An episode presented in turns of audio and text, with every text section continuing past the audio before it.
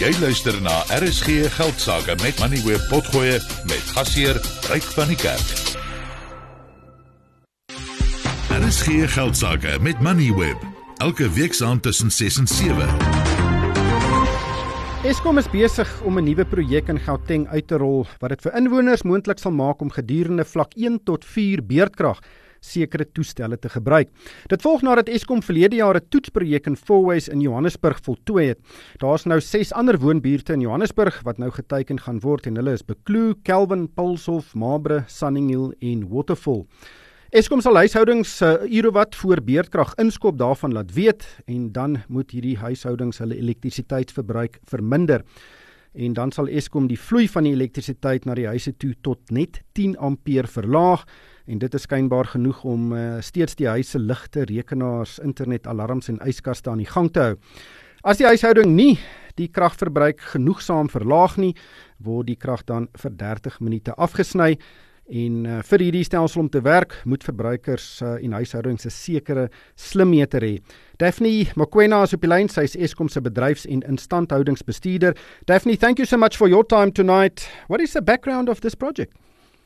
Uh, good evening, uh, Rick, and good evening to your listeners. Um, so, yes, we are in, um, implementing this load limiting as uh, you would have known a, a, couple of months ago when we started with the uh, pilot in Fourways.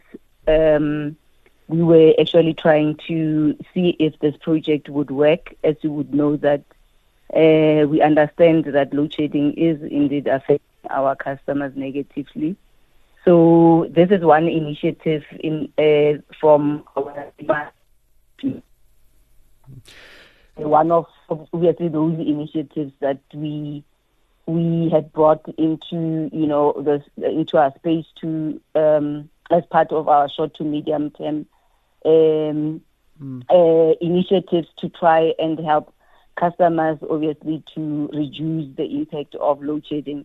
As you would know that other than demand side management, we're also doing the uh, the generation mm. recovery plan, uh, which obviously we have also announced that we did uh, bring back Kusile Unit 5 and we also brought back the three units at Kusile, which yeah. is also part of the bigger bigger plan. Yes.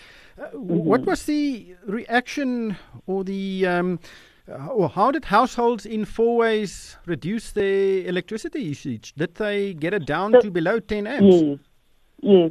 So, so what happens is because we we we did embark into a project some years back where we installed about 31,000 uh, smart meters around Sandton, including Fourways and Midrand.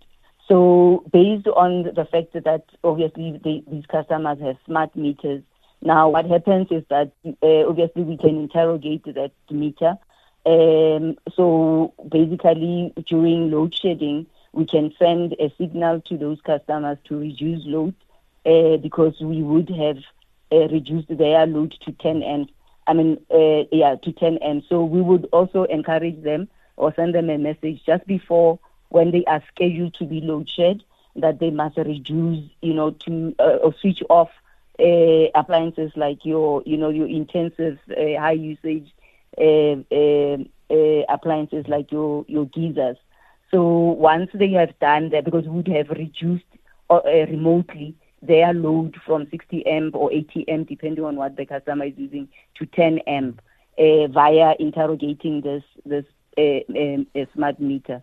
So if if a customer doesn't switch off his um, geyser or her geyser or whatever that is uh, uh, um, using a lot of electricity, then obviously that the, the meter will trip or the breaker will trip, and it will do that three times and the fourth time, obviously, then it will take about 30 minutes before it can mm. uh, be switched back on. But obviously, if the customer still doesn't switch off, then obviously the the, the breaker uh, would obviously be um, uh, switched off, or or that customer would then experience load shedding in that mm. period, where, which is two hours of load shedding. Are these customers Eskom customers? Does Eskom supply electricity directly to them, or is City Power also in the mix? Because Joburg is big, and Eskom does not deliver or um, offer electricity to uh, uh, directly to to, to many, uh, probably the most suburbs in the in the city. So this is only Eskom uh, uh, uh, Eskom customers that we are supplying directly.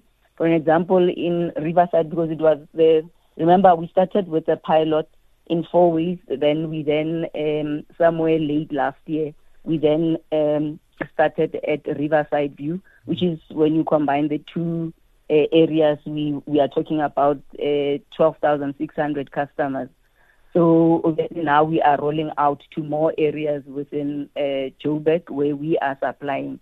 As you correctly said, that uh, it's we are basically um, uh, implementing this to our customers. So we, the, the, I know that you mentioned, and even in our statement, you mentioned six six areas, but we are looking into by the end of the month to have done about 12 areas, which is about 20,000 or 21,000 customers in addition to the 12,000 that we have done in Fourways and River, Riverside.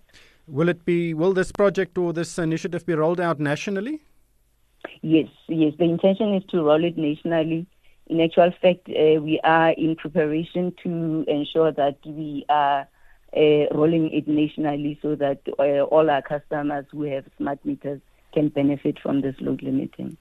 Daphne baie dankie vir jou tyd vanaand. Dit was Daphne Makwena, sy is van Eskom. Jy het geluister na RSG Geldsaake met Money where potgoe elke weeksdag om 7 na middag. Vir meer Money where potgoe, besoek moneyweb.co.za of laai die toepassing af en volg Moneyweb News om dagliks op hoogte te bly.